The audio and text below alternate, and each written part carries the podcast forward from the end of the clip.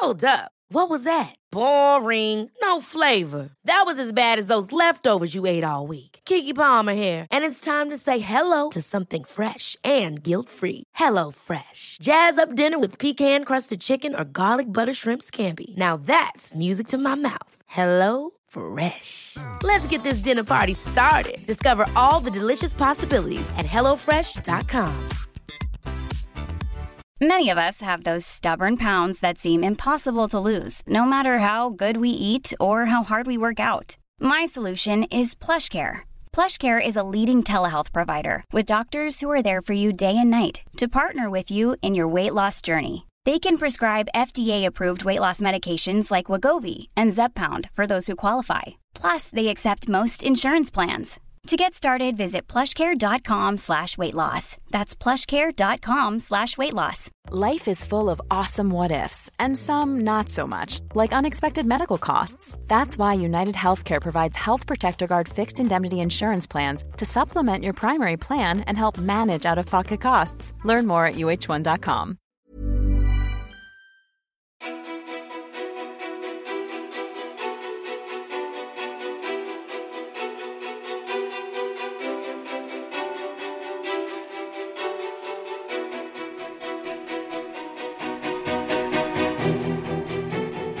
Den 31 januari 2016 publicerade Camilla Järvide sitt första inlägg på sin nya blogg Bloggbevakning. Sedan dess har allt gått i en rasande fart och hon skriver nu en av Sveriges största bloggar. Många har en komplex relation till bloggbevakning. En del anser att hon är elak, andra hyllar henne för sin granskning av influencers. Camilla själv har uttalat att hon vill visa unga, främst sina bonusbarn och deras vänner, att allt de ser i sociala medier inte är på riktigt. Att det är fejkat och redigerat och att mycket handlar om pengar och samarbeten. Det som började som en anonym blogg med fokus på andra bloggare har utvecklats till ett maktmedel vars läsare engagerar sig i allt ifrån att anmäla någon som har felmarkerat samarbeten för smygreklam till att komma med goda råd till någon som har fått hjärtat krossat. Vem är kvinnan bakom den omtalade, hatade, älskade, ifrågasättande bloggbevakning? Har hon en egen agenda? Vart går gränsen för vad hon publicerar? Vill hon själv bli en kändis? Vem är egentligen Camilla Järvide? Varmt välkommen till podcasten Ofiltrerat med mig, Sofia Peterfia Ståhl. Hej Camilla! Hej! Hur eh, kändes den där beskrivningen som jag precis läste upp? Den känns ganska sammanfattande av liksom allt eh, som folk har tyckt om bloggen från början. Och eh, nej men det stämmer nog. Samtidigt som jag tror nog att de här frågetecknen börjar rättas ut lite samtidigt som Alltså, vissa vet inte alls vad de har den, vissa har en känsla för den. Men den har också utvecklats under tiden. I och med att sociala medier är så pass dynamiskt som det är så kan man liksom inte bara sätta en agenda och sen hålla sig till det. För att spelplanen ändras ju hela tiden. Hur kom det sig att du började från början? Med den här bloggen? Ja. Jag eh, var hemma och var magsjuk. Och liksom kände väl det här att, men, fasen jag saknar att skriva så himla mycket. Men jag vill inte skriva musik som jag gjorde innan i och med att då finns det ingen energi kvar till min egen musik. Så jag funderar på, men vad kan jag? Vad tycker jag är kul? Vad, vad skulle jag kunna skriva om? Så bara, ja men sociala medier. För jag tyckte inte att det fanns någon blogg eller någon sida som tog upp de här sakerna. Det finns ju renodlade skvallerbloggar där du kan mejla in liksom vilken skit som helst. Eller så har du tidningar som skriver om vad bloggarna har skrivit. Men det finns ju ingen som tittar på liksom, fenomenet runt omkring. Vad gäller? Vad får man göra? Vad får man inte göra? Hur påverkar det här? Så då bestämde jag mig att eh, starta upp en sån. För jag kontaktade faktiskt en av tjejerna bakom en annan så här skvallerblogg och frågade henne om hon behövde ja, men hjälp med den. För jag tyckte att det fanns så himla mycket mer att göra och jag visste att hon precis hade fått barn. Så att, att det inte fanns så mycket tid. Och jag, jag önskade väl en lite mer välskriven blogg också kanske. Men hon svarade inte. Så då så bestämde jag mig att ja, men vet du, då startar jag upp en egen.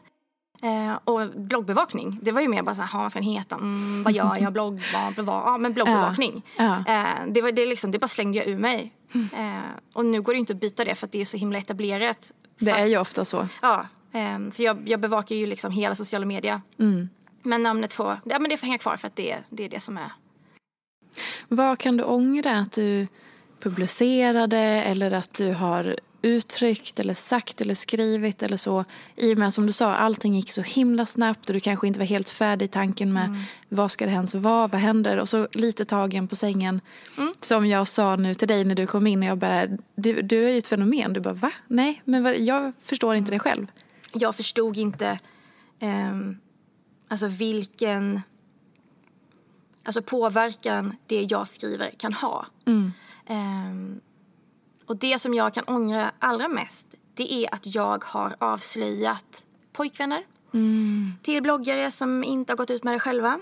Um, Egoina bland annat. Hur um, gjorde du det då? Um, nej, alltså det var ett ganska enkelt liksom, detektivs... Alltså, på Instagram. Han, han kommenterade ah. liksom och hade en öppen profil. Jag hittade den och så bara, ja men okej det här är Egoinas nya pojkvän. Ah, okay. och det är inte okej. Alltså det är aldrig okej att eh, liksom blanda in eh, personer på det viset som inte har någonting med det att göra. Och vissa saker är helt enkelt inte någon annans business. Mm. Och det är väl där jag, jag, känner att jag väldigt mycket skiljer mig från liksom, det som kallas för skvallerblogg. Jag vill ju ta det som de själva har skrivit, eh, publicerat, ja men du vet vända och vrida på och diskutera kring. Men inte det här liksom att publicera någonting som inte har kommit ut än för då blir det ju bara skvaller och skitsnack. Mm. Och det vill jag inte ha och det är också saker som jag tar bort i mitt kommentarsfält. Jag lyssnade på eh, Schulman show med Isabella Löwengrip som du också gjorde och skrev om. Mm -hmm. eh, och jag själv ble, jag tycker mig ha bra koll på henne i och med att jag har följt henne länge. Jag jobbade med henne en period för många, många år sedan. Jag har fortsatt följa med henne och sådär. Eh, men jag blev ändå förvånad över att det var så enormt mycket strategi. Mm. Och av det jag kunde utläsa på ditt inlägg så verkar det som att du blev rätt provocerad. Grejen är den att jag, jag blev nog inte så provocerad av det. Det som provocerade mig det var att hon verkade så jäkla stolt över att ha duperat sina läsare. Att hon bara var tvungen att tala om det. Mm. För, för det är så mycket med henne som inte är konstigt i sig till exempel att, så här, ja men det är ju säkert många alltså, kända personer som eh, har en makeup artist som fixar dem på morgonen eller som så här, har, ja men gör en liten garderob på jobbet eller vad det nu är. Men varför har man behovet av att hela tiden påpeka att man har det? Det är så här, men hon vill bli så här, Sveriges svar på Oprah Winfrey. Men så här, Oprah skulle aldrig någonsin liksom drömma om att liksom ens så här, berätta om alla sätt hon skiljer sig från typ sina tittare. Utan hon är ju så att ja, men jag har hur mycket pengar som helst men jag vill fortfarande liksom vara som er. Och så här, ja men om hon måste flyga privatplan för att hinna till någonting, ja men då gör hon det. Men det är inte en fjäder i hatten, det är liksom inte det hon bygger sin karriär på. Att liksom vara känd. Och det är väl lite där jag känner att Isabella, så här, hon är så jäkla nöjd med att ha liksom en strategi för hur hon manipulerar läsarna för att få dem att ja, bli positivt inställda om det ska vara något liksom, släpp för någon produkt. Um, och jag, alltså, jag tyckte att hon, hon såg verkligen ner på sina läsare. Mm. Att så här, ah, men de är så jävla dumma, fattar ni vad de går på? Det var lite så. Och jag kan tycka så här, fast vet du, utan dina läsare så hade inte du varit ett skit. Och att dumförklara dem på det här viset. Alltså, alltså jag är så här, liksom, ska det här vara till hennes fördel? Det är så här, alla så fördomar som människor har haft om henne bekräftade hon i den intervjun. Och ehm, det var nästan det. Så här, alltså det, det, väl ingen, finns väl ingen skam i att ha en, en, strategi. Det tror jag nog att de flesta har. Men att vara så alltså, osmaklig i sättet hon lägger fram den och på hur hennes läsare reagerar. Så här, ja, nej men nu skulle vi åka till Marbella med hela företaget och jag vet ju att det, ja, det kommer ju sticka väldigt mycket i ögonen på Eh, på mina följare så då tar jag med barnen till biblioteket för det tycker de är gulligt. Eh, ja, så hur ska de då förhålla sig till att barnen är på biblioteket och sen ska jag åka till Marbella? Men då brinner det i huvudet på dem. Ja, men alltså, va? va? Och just det att så här, helt öppet är bara så här, ja, nej, men, ja, ja. Jag går till biblioteket med mina barn för att manipulera mina läsare. Där har du ju liksom någon som inte har någon gräns. Det är totalt gränslöst för vad hon kan liksom använda för att tjäna mer pengar. För det är det som liksom, det är det, det är det som betyder någonting för henne. Ja, jag tycker ändå att det var så här skönt att hon berättade det för då fick jag ett annat förhållningssätt som betraktare. För annars så är det så lätt att man tror att man är inne i verkligheten. Och att ja, men det här livet är liksom, så här ser det ut och det är vardagen och verkligheten och så. Men nu så när hon har berättat det där då säger ja ja men då vet man ju strategin. Man- Då blev det direkt för mig blev det en så distans. Alltså som en vanlig, som, om jag betraktar mig som en vanlig läsare. Det var det jag hoppades skulle hända med många. För jag skrev ju det att så här, jag vill aldrig, aldrig någonsin mer höra att ah, men du är så himla orättvis mot Bella eller ah, men du, du typ misstolkar. Eller, alltså så kritik. För att, jag menar, hon sitter ju och erkänner att om inte hon får tillräckligt många negativa kommentarer på sitt inlägg då är det ett misslyckande. Och hon har liksom svart på vitt lagt fram det. Och ändå är det så många som så inte vill tro det. Och jag vet inte om det handlar om att de inte vill tro det om henne. Eller de vill inte erkänna att de själva har blivit totalt blåsta. Um, för det är ju... Det har de ju blivit. Alla som har tyckt synd om henne um, av en eller annan anledning. um, de har ju gjort det för att de har trott att så här, ja, men hon är genuin, hon öppnar upp och släpper in oss lite. Och sen visade det sig att det har varit ett strategiskt inlägg utformat av hennes före detta anställda Emma som i princip hade ett Excel-ark. Där det var så här, okej här har vi de här släppen. Eh, ja, här behöver du få lite goodwill. Eh, kan du antingen så här, gråta för att eh, du bara har barnen på halvtid? Eller ska vi skilja upp, är det PMS? Ja, vad tycker du? Så här, ja, men PMS, ja, men det körde vi med. Det var inte så länge sen. Ja, nej, men kör på det där med barnen. Och, och sen att... Ehm, ja, nej men du vet, eh, min exman, han är så oförstående och han, han ville ändra allt på mig. Men sen med facit i hand och titta tillbaka på det, man ser ju liksom, jag har ju även gått tillbaka och brutit ner många av hennes inlägg. Ehm, och gjort liksom som en, så här, liksom nästan som en så tidslinje. Och jag, alltså jag blir nästan lite illamående av... Är det något du har publicerat eller ska? Ja, gjort det. Ja. Ehm, och verkligen då tagit det hon sa i den här podden och applicerat det. Och det är så här, ja, det du sa i podden stämmer ju. Vilket får ju dig att, att framstå som typ helt vidrig. Att du liksom kan utnyttja, liksom inte bara er skilsmässa utan liksom barnens roll i det här eller Um, jag vet inte, jag, jag, alltså, jag blir nästan mållös av att någon kan vara så beräknande på bekostnad av liksom, ja, men sina barn, sitt föräldraskap. Allt. Det, men det är som att så här, nej, men hon, hon är helt gränslös.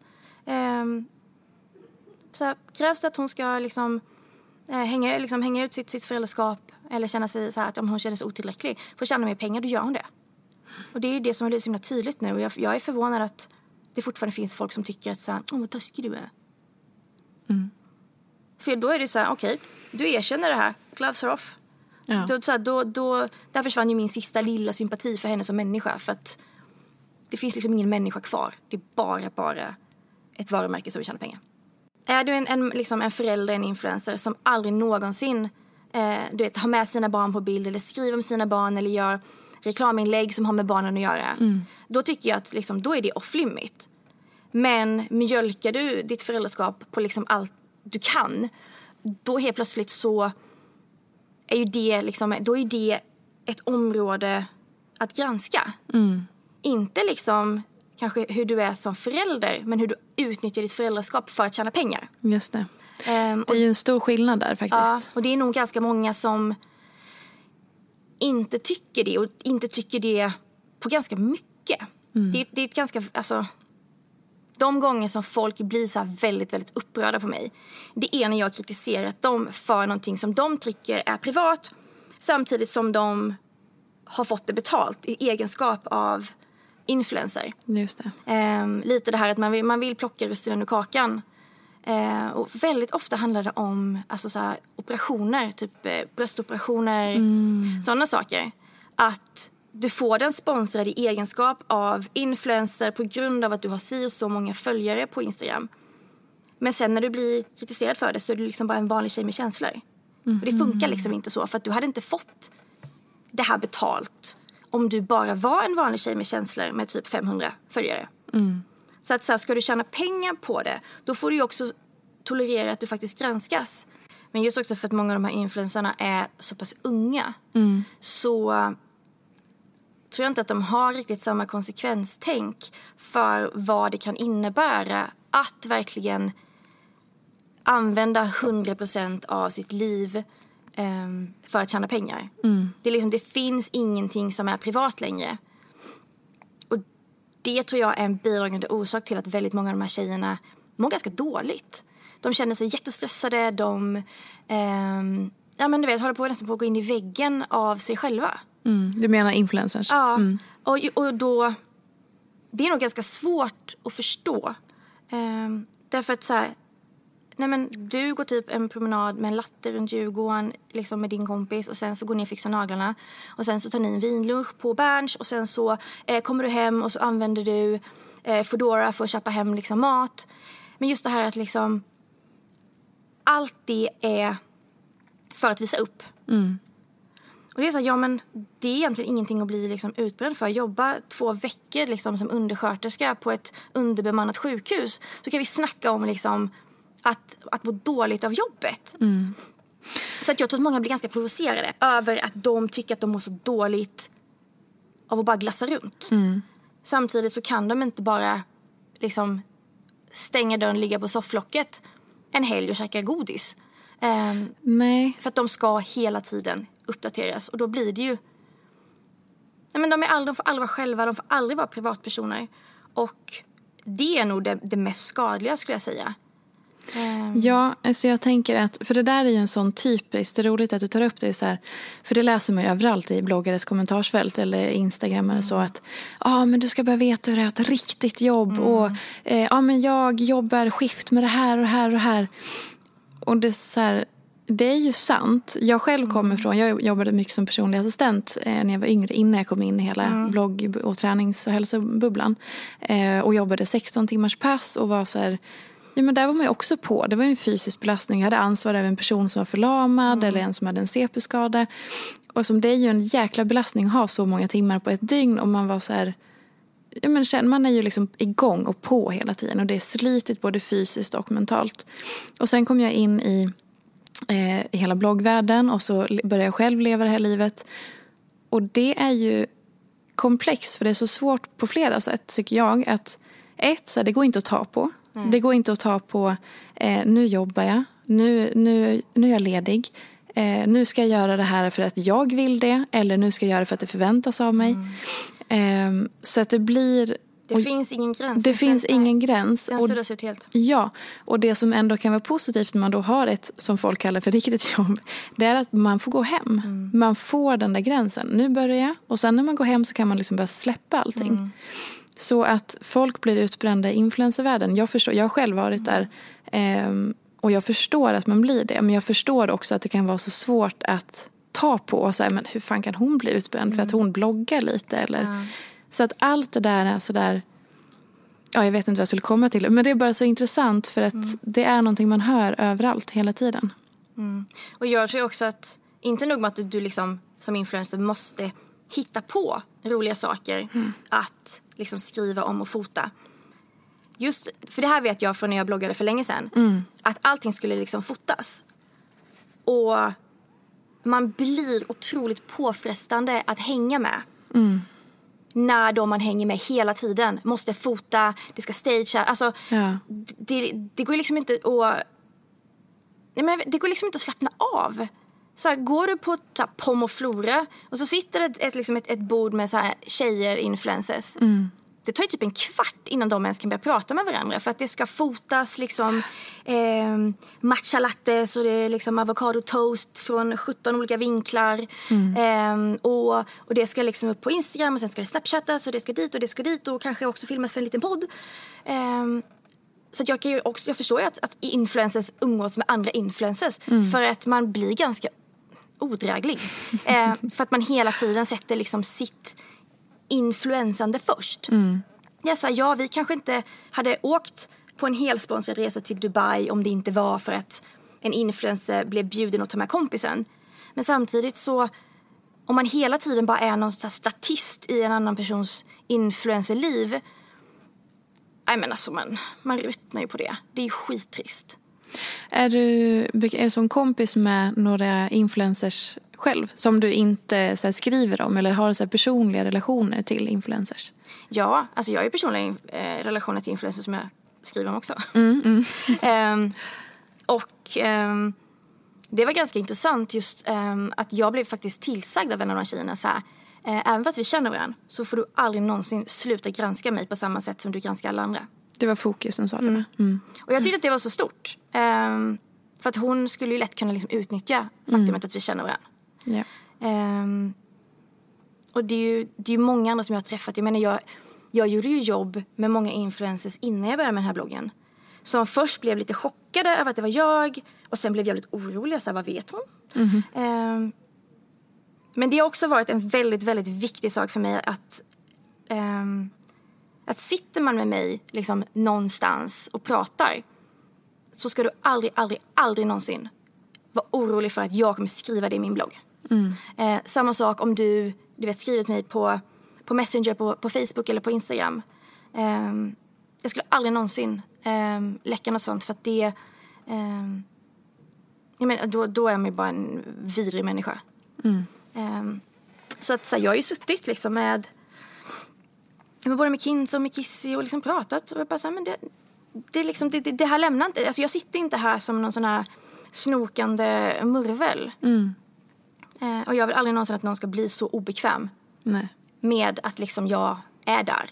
I och med att jag ändå liksom, jag försöker hålla mig utanför den här svängen så mycket som möjligt. Eh, just för att jag vill inte här, bygga nya relationer med folk som jag skriver om. Du får ju ganska mycket tips vad jag förstår.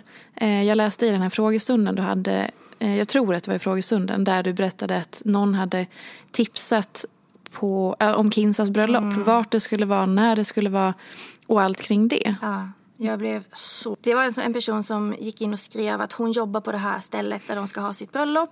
Och det är det här datumet och det, ja, det är typ, de har så här många gäster. All information? All information. Eh, och jag, nej men jag blev så provocerad av det. Eh, inte bara att det är liksom hennes förmodligen liksom finaste dag men att hon har också så tydligt liksom gått ut med att hon vill att det ska vara hemligt och varför. Mm. Och att då det här stället där hon liksom lägger sitt bröllop, de som hon ger det här förtroendet för, att någon där mm. så totalt liksom vänder sig om och bara hugger henne i ryggen för att, så här, för lite så sensations... Eh, liksom sensationslystet. Så jag, eh, jag tog ju bort det, blockade, men verkligen så här, namnet, alla kombinationer av datum som man skulle kunna försöka liksom skriva. För det märker jag ibland. Mm. Att vissa människor de, alltså, de kan ju typ sitta upp en hel natt och bara försöka komma runt liksom, eh, typ de här spamfiltren eller att, att men ja, men jag har blockat Gud. de här orden. Ja, och då försöker de på alla sätt komma runt det. Eh, men då har man ju också förbrukat sin möjlighet att, eh, att kommentera. Men jag mejlade faktiskt Kinsa och mm. sa det att jag vet inte om det stämmer. Men om det gör det så vill jag att du ska veta eh, att det är någon på det här stället som har eh, av, liksom outat det. Eh, och hon var ju bara jättetacksam. Såklart. Eh, för jag, nej men jag... Det är ju så lågt. Ja, det... Framförallt när man jobbar på stället. Mm. Och hon har antagligen då berättat, för att har man det kändisskapet som hon har så måste man väl kanske tydligt berätta att så här, det här är vår situation, så här mm. ser det ut så får man ju hantera det. Mm. Och så går någon och gör det där. Och så till också en blogg som, som din då som är så här, ja men här kan det spridas, det är nog skitbra. Ja, men det, alltså det har hänt flera gånger att, um, att det liksom skrivs sånt eller um, namn på liksom, folks pojkvänner eller som de mm. dejtar eller vad de har gjort eller vad de tros ha gjort.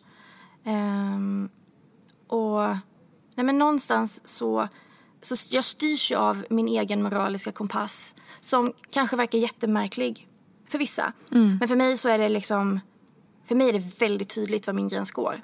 Var går den då? Men just i det här liksom vältrandet i framförallt andra människors liksom, tragedier eller... Um, för jag menar, Kinsa hade en väldigt, väldigt um, liksom, anledning till att hon ville hålla det, hålla det... Vad var det för anledning? Det är fortfarande privat. Nej men ah, alltså, okay. um, hon hade en väldigt, väldigt god anledning mm. att hålla det, um, hålla det dolt. Mm. Uh, och då finns det liksom ingen anledning för mig att ha med det i min blogg. Därför att det liksom bidrar inte till det jag vill göra på något sätt. Nej. Det är så här, ja men hade hon, hade det visat sig att ja, men hon fick hela liksom, bröllopet sponsrat eh, och sen inte reklammarkera någonting. Det är liksom relevant för mig. Mm. Men anledningen till varför hon vill hålla sitt bröllop hemligt, det, är så det har faktiskt inte vi med att göra. Nej. Och det är inte heller relevant för henne som, eh, ja, men som varumärke eller vad det hon vill göra. Eh, men det är ju väldigt, det är också, det är väldigt lätt att sådana här rykten får ben och fötter och springer iväg. Mm. Eh, jag vet ju att det finns ju en bloggare som heter Angelica eh, Lagergren. Mm. Eh, hon fick en väldigt alltså, osmaklig kommentar på sin blogg igår som hon lät stå kvar och svarade på. Mm. Eh, som jag såg. Och sen så nu har hon tagit bort det och liksom skrivit ett inlägg om det. Och det som, liksom, det som gör ont det är ju att det som stod i den kommentaren har jag också fått höra. Mm-hmm. Men det betyder ju inte att det är liksom mer sant för det. Det kan ju vara Nej. samma person som har skrivit det hos henne, som har skickat det till mig, som förmodligen har skickat det till typ alla skvallerbloggar. För mm. uppenbarligen så vill ju den här människan bara göra henne illa. Ja. Um, så det, det, är därför också som jag, jag publicerar aldrig någonting som inte har stått någonstans. Mm. Um, därför att det...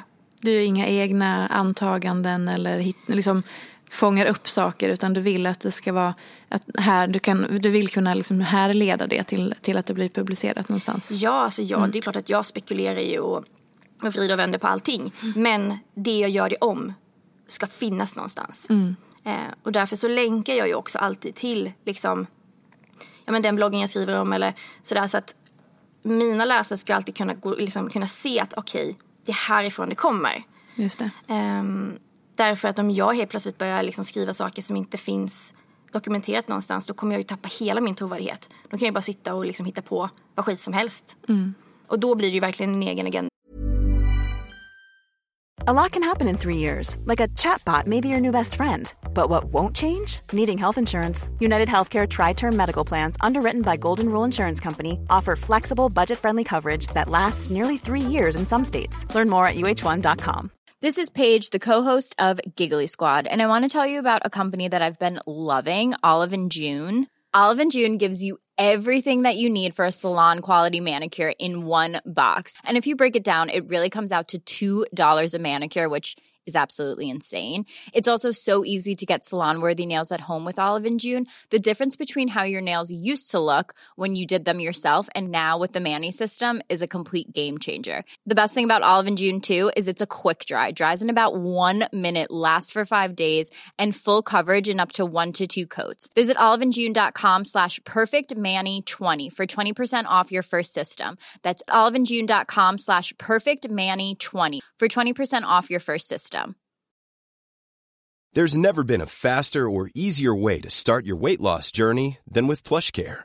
PlushCare accepts most insurance plans and gives you online access to board-certified physicians who can prescribe FDA-approved weight loss medications like Wigovi and Zepbound for those who qualify. Take charge of your health and speak with a board-certified physician about a weight loss plan that's right for you. Get started today at plushcare.com slash weight loss. That's plushcare.com slash weight loss. plushcare.com slash weight loss. A lot can happen in the next three years. Like a chatbot may be your new best friend. But what won't change? Needing health insurance. United Healthcare Tri Term Medical Plans are available for these changing times Underwritten by Golden Rule Insurance Company, they offer budget-friendly, flexible coverage for people who are in between jobs or missed open enrollment. The plans last nearly three years in some states, with access to a nationwide network of doctors and hospitals. So for whatever tomorrow brings, United Healthcare Tri-Term Medical Plans may be for you. Learn more at uh1.com.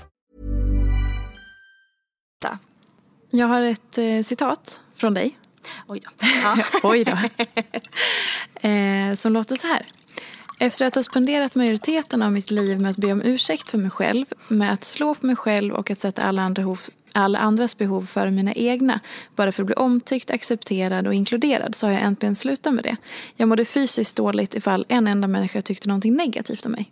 Och jag plockade ut det för jag tror att det är så fruktansvärt vanligt.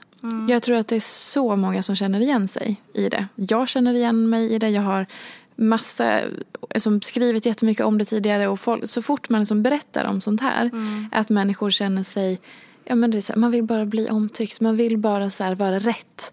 Eh, man vill vara inne i det där gänget eller så här, vara lite så här, trygg. Så här, vad, hur kommer det sig att du börjar så dela med dig av såna här saker? Alltså jag har nog alltid varit ganska öppen eh, med de där sakerna. Eh, sen är det ju många som har tagit min liksom, bakgrund och försökt få det till att eftersom att jag var så eh, mobbad, ja då ser jag min chans nu att liksom, få ge igen. Men det är så här, jag har levt hela mitt liv med att så här, bli omtyckt, accepterad. Ingen ska eh, få tycka någonting negativt om mig. Och om då mitt mål är det, då är ju förmodligen den här bloggen den sämsta strategin att göra det på. Därför att jag, alltså, för första gången i mitt liv så sticker jag ut hakan och, och lite skiter faktiskt i. Jag har liksom inget behov av att vara folk till lags längre. Eh, så att påstå att, att, eh, att jag skriver den här bloggen som ett resultat av att jag har varit mobbad. Alltså det faller ju på sin egen orimlighet. För i så fall så hade jag just istället skrivit en blogg där jag bara hyllar alla influencers och ja, men gör allt för att de ska typ gilla mig, vilja liksom, tycka bra om mig, kanske skriva min blogg. Eh, och det är, det, alltså, det är en sån frihetskänsla att ha kommit dit. Det tog mig 37 år och typ 6 år i KBT-terapi. Ja, för det var min nästa fråga. Hur gjorde du? För att, eller hur har du gjort? Hur har du kommit från... Blev, när blev du mobbad i skolan? Ja, sexan, sjuan, åttan. Jag gick ju en klass i sexan, en klass i sjuan, en klass i åttan och sen så flyttade vi bytte skola i nian. På grund av att du mobbades? Vad, hur uttryckte sig den mobbingen? Eh, alltså det var ju alltså fysisk och psykisk misshandel. Eh, jag åkte ju på spö i skolan för att jag eh, tyckte att jag var någon. Därför att jag eh, höll, alltså, har alltid älskat musik, eh, har sjungit väldigt mycket och eh, sen kommer jag också från en, en, liksom en, en, en, eh, en familj med eh, missbruk. Så jag är ju liksom, var det, det typiska liksom medberoende barnet. Eh, vilket gjorde ju mig väldigt eh, alltså tacksam att hoppa på. Sen då samtidigt att jag eh, var med på Lilla Melodifestivalen. Då var det ju så här, men henne ska vi plocka liksom. Så jag menar, jag visste ju det när jag kom tillbaka till skolan efter att vi hade spelat in. Jag bara, men jag visste, alltså jag, jag kommer åka, åka på så jävla mycket spö nu. Hade det börjat redan innan eller var det det som var så här, den utlösande faktorn? Att så här, oj, nu är hon på tv, nu, nu är hon verkligen någon, tror hon att hon är något? Nej, det började typ ett eller två år innan det. För att jag var väldigt mobbad i sexan. Av ingen liksom anledning som man kan här, ta på. Det var inte liksom en händelse. Um, och mina föräldrar liksom vände upp och ner på den här skolan. Ehm, och då försvann det. Eh, Alltså mobbningen. Jag, jag blev väl liksom inte så inkluderad men jag blev lämnad i fred. Men sen när vi började sjuan så kom det en tjej och började i vår skola, eller i min klass. Ehm, och det första hon gjorde var att börja mobba mig och då hängde liksom alla på igen. Då var det liksom som att säga, ja men då kör vi igen nu. Och jag vet inte, alltså jag vet inte hur hon liksom valde ut mig. Men jag menar jag, jag typ smög ju längs väggarna så att jag var ett ganska tacksamt um, offer att, att liksom hoppa på. Och då fullkomligt eskalerade det ju till både liksom fysisk och psykisk misshandel. Ehm, Alltså fysisk misshandel också? Ja. Jag tänker så här, nu lät det konstigt så här, fysisk också, men en, en psykisk misshandel som är verbal, att man kan prata, ropa, alltså den kan man ju ändå så här, på något vis förstå att det är lätt att bara så här, alltså folk börjar mm. kasta ur sig helt orimliga, elaka, vidriga saker. Mm. Men att fysiskt gå till angrepp mot en annan människa i skolkorridoren. Mm. Ja, det var ju framförallt killarna som gjorde det. Det var till och med dem. Mm. Eh, och det här, det som, det som man inte får glömma bort, eh, det är ju att det här är ju ett, alltså det här är typ en mentalitet som ligger som en blöt filt över liksom, det samhället jag kommer ifrån. Och samma sak med skolan. Att det var ju inte att så här, några stycken mobbade mig utan det var liksom så här, det var helt accepterat. Fritidsledarna vände ryggen åt. Um, jag fick höra från min lärare att um, ja, men Camilla det här är ju lite ditt fel eh, som, som sticker ut så här mycket. Så att om du bara kan göra dig själv lite mer osynlig så kommer det här försvinna. Och då, då, då kände jag ju så här, fast vet du, om jag gör mig mer osynlig, alltså jag kommer försvinna. För, alltså det var inte meningen att sälja, alltså, alltså, det var bara så här, mm. men va? Ja. Vuxen eh, människa ja. till ett barn. Eh, och eh, det som, eh, som bara ska så här, flikas in, det var att för några år sedan så fick jag eh, möjligheten att konfrontera henne med det. Mm -hmm. Och den möjligheten tog jag. Och hur gjorde du det? Ehm, jag, nej men jag talade om för henne liksom, allt vad hon har gjort, vad det har inneburit, liksom, hur, hur lång tid det har tagit för mig att... Ansikte mot ansikte? Nej, via mail faktiskt. Ja. Ehm, för att hon hörde hur fan var det?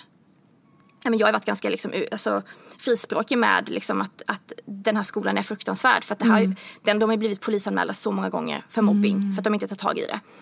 Um, och då fortfarande? Har, alltså. Ja, fortfarande. Det, och det är liksom ett litet samhälle med en fruktansvärd mentalitet. Så att liksom den killen som mobbade mig allra värst, han har inte lämnat.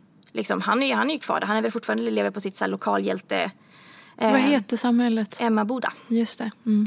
Um, och han bor ju kvar där. Mm. Och han får ju förmodligen över sina vidriga um, liksom, åsikter och beteende till sina barn. Och det är lite så, liksom, mm. så det är. Um, så jag har ju sagt det, bara, men fan, bara spräng skiten och gör parkeringsplats. Liksom. Det, det, det, ja, det är verkligen liksom i, till och med lärarna tycker att så här, ja, nej men du får skylla dig själv. Um, så då var jag ju ja, jag gick ju klart åttan där. Men, eh, nej men också så här, fysisk och psykisk misshandel. Alltså det, det är så här, jag, jag blev liksom mobbad i skolan och liksom slagen. Men det fanns också, alltså de tog det till en helt annan nivå de här tjejerna. Mm -hmm. um, helt plötsligt så, så här, började de prata med mig igen. För alla, det var ingen, som, ingen pratade med mig. Jag var ju luft liksom. Eh, om man inte skrek typ okvädningsord.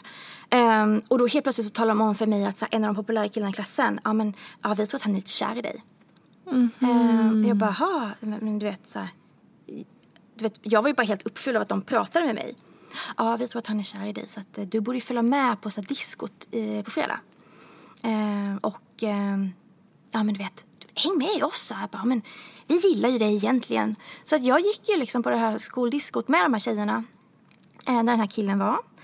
Eh, och han bjöd upp mig till en tryckare och eh, så här, vi dansar och ja, men så här, han försöker typ kyssa mig. Och helt plötsligt så nästan så här, tänds det upp och då står liksom alla i en cirkel runt oss och typ så här, pekar och skrattar och bara men haha, trodde du att han ens skulle vilja ta i dig med tång? Men gud, det låter ju ja. som en så här hemsk high school-film. Ja. Um, Eller något. Ja. Och det, så det var liksom inte bara det här i skolan utan det här var ju liksom strategiskt liksom planerat hur de skulle lura med mig och utsätta mig för det här. Uh, oh, är det... Jag bara... Så här, det här kanske blir jättekonstigt men är det därför som du blir så provocerad?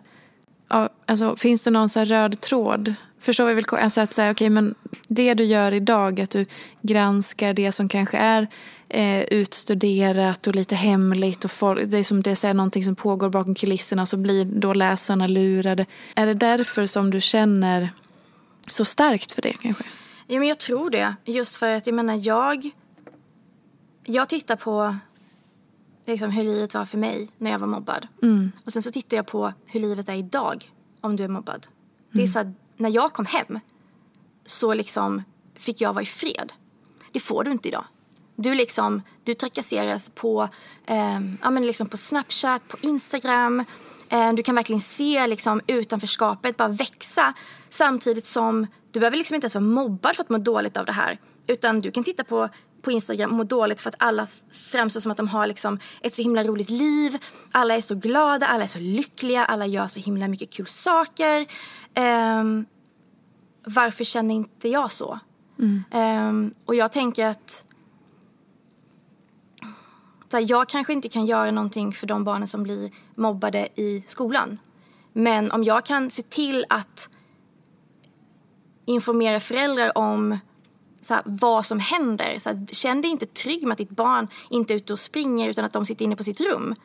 Därför att de kan bli liksom, trakasserade eller utsatta för liksom, alla möjliga vidriga saker um, som, ja, som tas från skolan och sen bara fortsätter in hit. Och sociala medier har verkligen möjliggjort för mobbing att alltså, ta helt orimliga proportioner. Mm. Jag menar, det var ju en man som, fint, ja, det var väl här i veckan, som han dömdes för våldtäkt. Ja. Som inte ens har varit i samma rum som de här tjejerna. Det är första gången det händer, att ja. han blir faktiskt dömd hela vägen. Mm. Och, Vilket ju är bra, men mm. ja. Och, och det är så här, det är ett, ett, steg i rätt riktning, men det, det, finns ganska många fler steg som måste, måste tas. Um, just för att, så här, ja men mobbing i skolan ska man ta på allvar. Men alltså den, den förekommer ju överallt. i som där Instagram-upploppet liksom, i Göteborg. Mm. Mm. Eh, där utsatta barn och ungdomar blir ännu mer utsatta. Så att på något vis så känner jag väl mig som så här, Jag vet inte. Ja, men, lite som, inte som en stora syster men jag vill liksom skydda. Um, jag vill skydda och när jag inte kan skydda så vill jag upplysa. Mm. Därför att jag menar jag har en bonusdotter som eh, i den här väldigt lätt påverkade åldern. Eh, och jag menar jag skulle egentligen vilja låsa in henne i liksom, soppan i fickan. Mm. Men när jag inte kan det, det så, okay, men vad, då måste jag liksom visa henne att nej men, det här är inte sant, det här är inte på riktigt. Det är inte dig det är fel på. De här målar upp liksom en bild av någonting som inte finns. De behöver inte ens vara på det stället de säger att de är på. Um, och just det här att bara sänka ribban att så, det finns liksom ingen verklighet kvar. Tror du att den trenden håller på att vända? Att vi vill nu äntligen se lite mera eh, men så här, vanliga människor i sociala medier, vanliga dagar, vanligt liv. Som du sa, jag skulle vara den sämsta influencer för jag mm. sitter bara här hemma i ja. och så gör jag det här och sen har jag på mig det här och sen så går jag hem liksom. Och jag sa att men det är det folk vill se för att det är det som är på riktigt, man kan relatera till det. Men tror du att vi är på väg dit eller kommer det börja bli ännu mer typ hysteriskt eller Nej. inte hysteriskt men du förstår vad jag ja. menar. Nej, jag tror faktiskt inte att vi är på väg dit. Um, utan jag tror att den här liksom verklighetsbaserade bilden av sociala medier kommer mer och mer försvinna. Att det kommer liksom vara ja, men, mer bara vandrande reklampelare. Mm. Eh, samtidigt som jag vet att det är väldigt, väldigt många av mina följare som tycker att det är tråkigt liksom att men gud vad härligt det var när man fick se så Kinsas mobilbilder eller så här, ja men du vet de satt och tog med webbkameran med lite olika filter på. Mm. Eh, men nej, jag tror inte att vi är på väg tillbaka dit. Eh, och då måste man förhålla sig till det.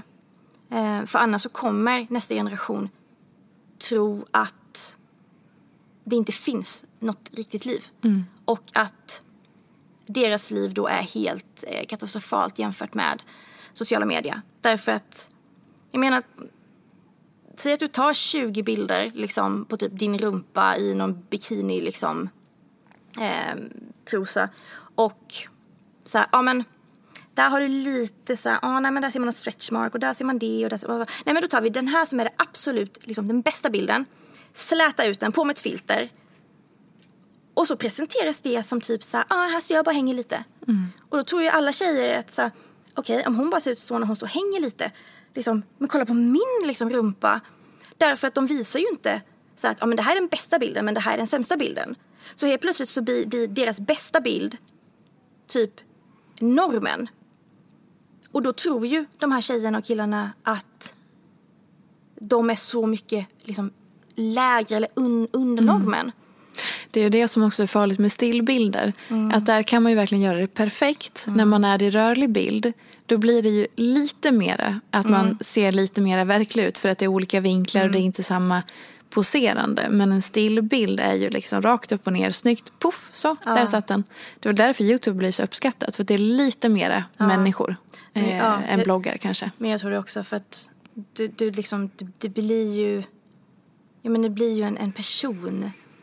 Um, och jag har faktiskt, nu klockan ett så kom det upp ett inlägg på eh, på min blogg. Mm. Där jag faktiskt lyfter fram ett eh, Instagram-inlägg av Tyra Sjöstedt. Mm. Eh, som då har varit liksom en av de här hetsiga influencersarna som nu... Influencersarna? ja. nej men som skriver och verkligen så här snälla tro inte att någonting ni ser på sociala medier, tro inte att det är på riktigt, tro inte att det är normen. Liksom, snälla, bara gör inte det. Mm. Um, och jag tycker att det är så, alltså det är så viktigt framförallt att få höra det då från någon som kanske liksom har själv stått för de här, eh, liksom den här hetsiga normen.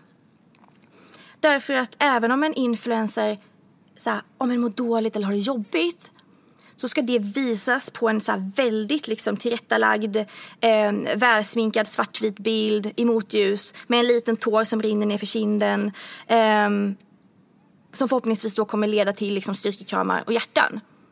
Det är så här, du ser liksom aldrig någon bara så här, ja men jag mår piss och typ har mascara-gråt på kinderna. Men så som man ser ut när man gråter. Mm. För jag menar så som jag ser ut när jag gråter kan ju skrämma livet på vem som helst. Jag tycker att det, att det är positivt att de delar med sig när de mår dåligt. Mm. Men om du nu då liksom vill lägga ut en bild på det. Men var lite, alltså kan du inte ens vara genuin i ditt dåliga mående? Mm. Så här, ditt dåliga mående ska liksom fortfarande vara sponsrat av så här, Zalando. Därför att jag gråter som bäst i den här tröjan. Det, nej men det, det är så här, Jag vet att jag återkommer till det eh, så många gånger. Eh, Magnus Betnér är en av mina så här, favoriter. Och jag återkommer hela tiden till det här att ingenting är heligt. Mm. Ingenting är heligt. Om det kommer till att liksom beskriva, ja men, ja min son misslyckades med potträningen eller men som Bingo Rimér la upp bilder på liksom sina pojkar på toaletten. Och det är så här, ja du är en fotograf, du förevigar detta. Eh, ditt liksom inte ens omdöme vill jag inte säga, utan bara så här, din bild av vad som är lämpligt att publicera kanske är lite ehm, för generöst. Alltså så, I och med mm. att han har ju, han har ju liksom fotat eh, jag menar, så toplessbilder, utvik. Så att för honom kanske inte det är någonting att lägga ut en bild på, på sonen som går på toaletten. Samtidigt som det kanske inte är så jävla liksom lämpligt. Framförallt så är det en, en annan person som inte riktigt kan försvara sig för att den är för ung. Ja, i och inte en, förstår i en väldigt utlämnande situation. Ja. Um, så där känner jag så här, nej men alltså fan det är ingenting som är heligt längre. Nej. Det finns ingenting som inte är värt att kanske tjäna lite pengar på. Kan du känna att du själv är på väg att bli en influencer? Eftersom nej. du men i och med att du dels berättar mer och mer personligt, man får lära känna Camilla mer och mer. Eh, och sen att du får kanske bud och inbjudningar och att du har makten, du har följarna. Du blir ju en influencer. På ett sätt. Den ofrivilliga influencern. ja. ja. men på ett sätt så är det ju det. För jo, du men... har ju allt det som de har. Ja. Bara ett annat ämne eller ett annat syfte. Mm. Jag tror att Alltså jag skulle förmodligen vara så här, den tråkigaste influensen att följa någonsin. Men vänta, en fråga nu då.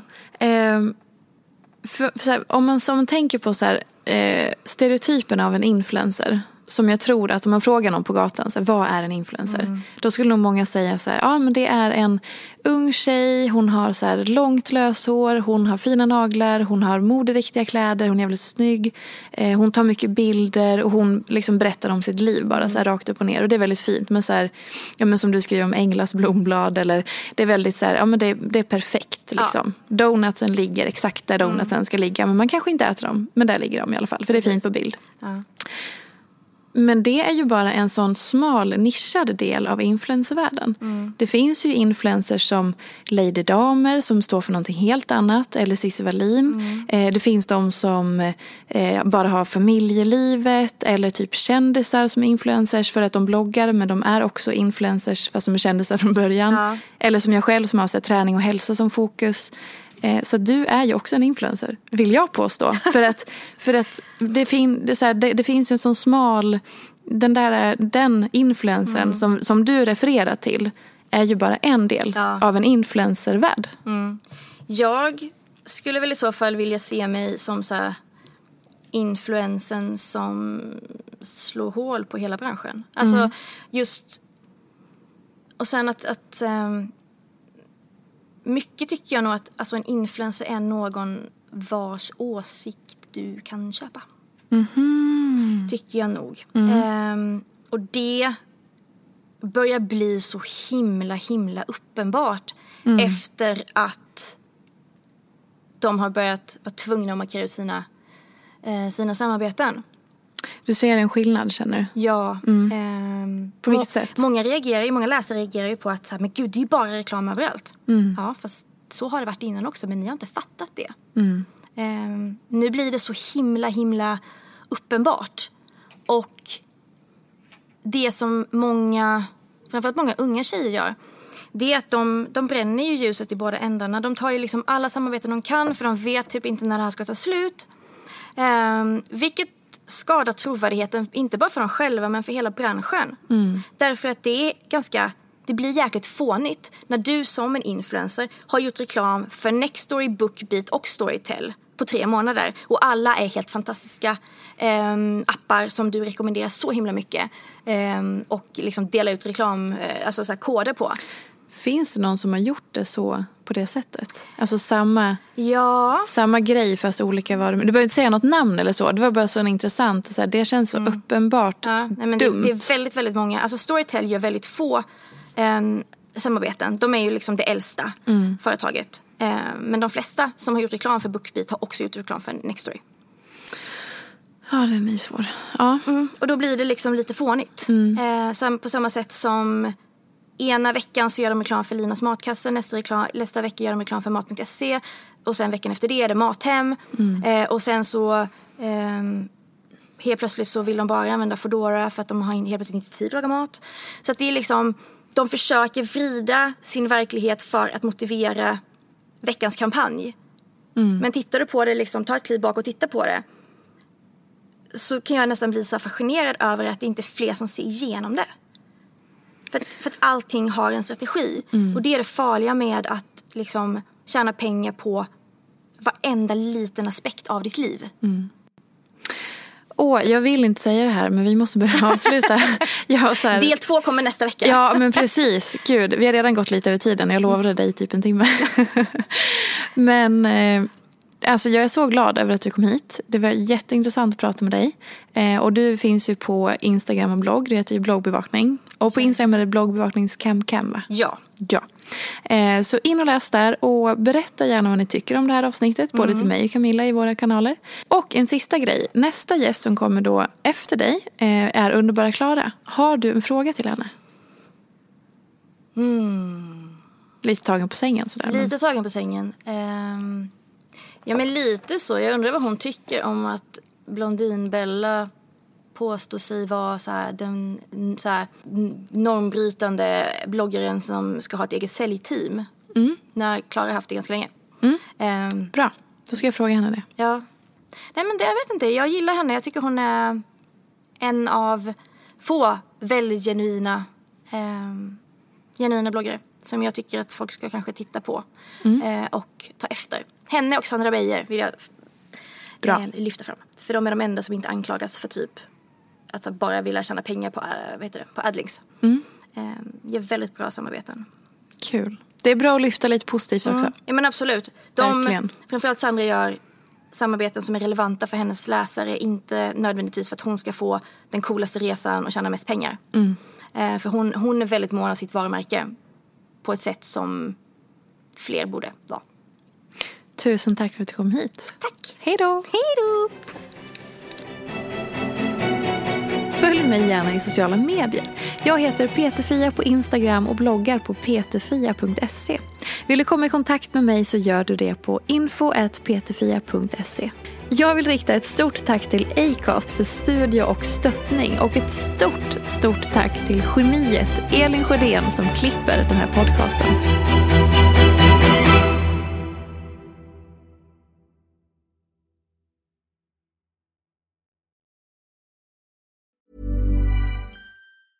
Even when we're on a budget, we still deserve nice things. Quince is a place to scoop up stunning high-end goods for 50 to 80% less than similar brands. They have buttery soft cashmere sweaters starting at $50, luxurious Italian leather bags, and so much more. Plus, Quince only works with factories that use safe, ethical, and responsible manufacturing. Get the high-end goods you'll love without the high price tag with Quince. Go to quince.com/style for free shipping and 365-day returns. Mom deserves the best, and there's no better place to shop for Mother's Day than Whole Foods Market. They're your destination for unbeatable savings, from premium gifts to show-stopping flowers and irresistible desserts. Start by saving 33% with Prime on all body care and candles. Then get a 15-stem bunch of tulips for just $9.99 each with Prime. Round out Mom's menu with festive rosé, irresistible berry chantilly cake, and more special treats. Come celebrate Mother's Day at Whole Foods Market.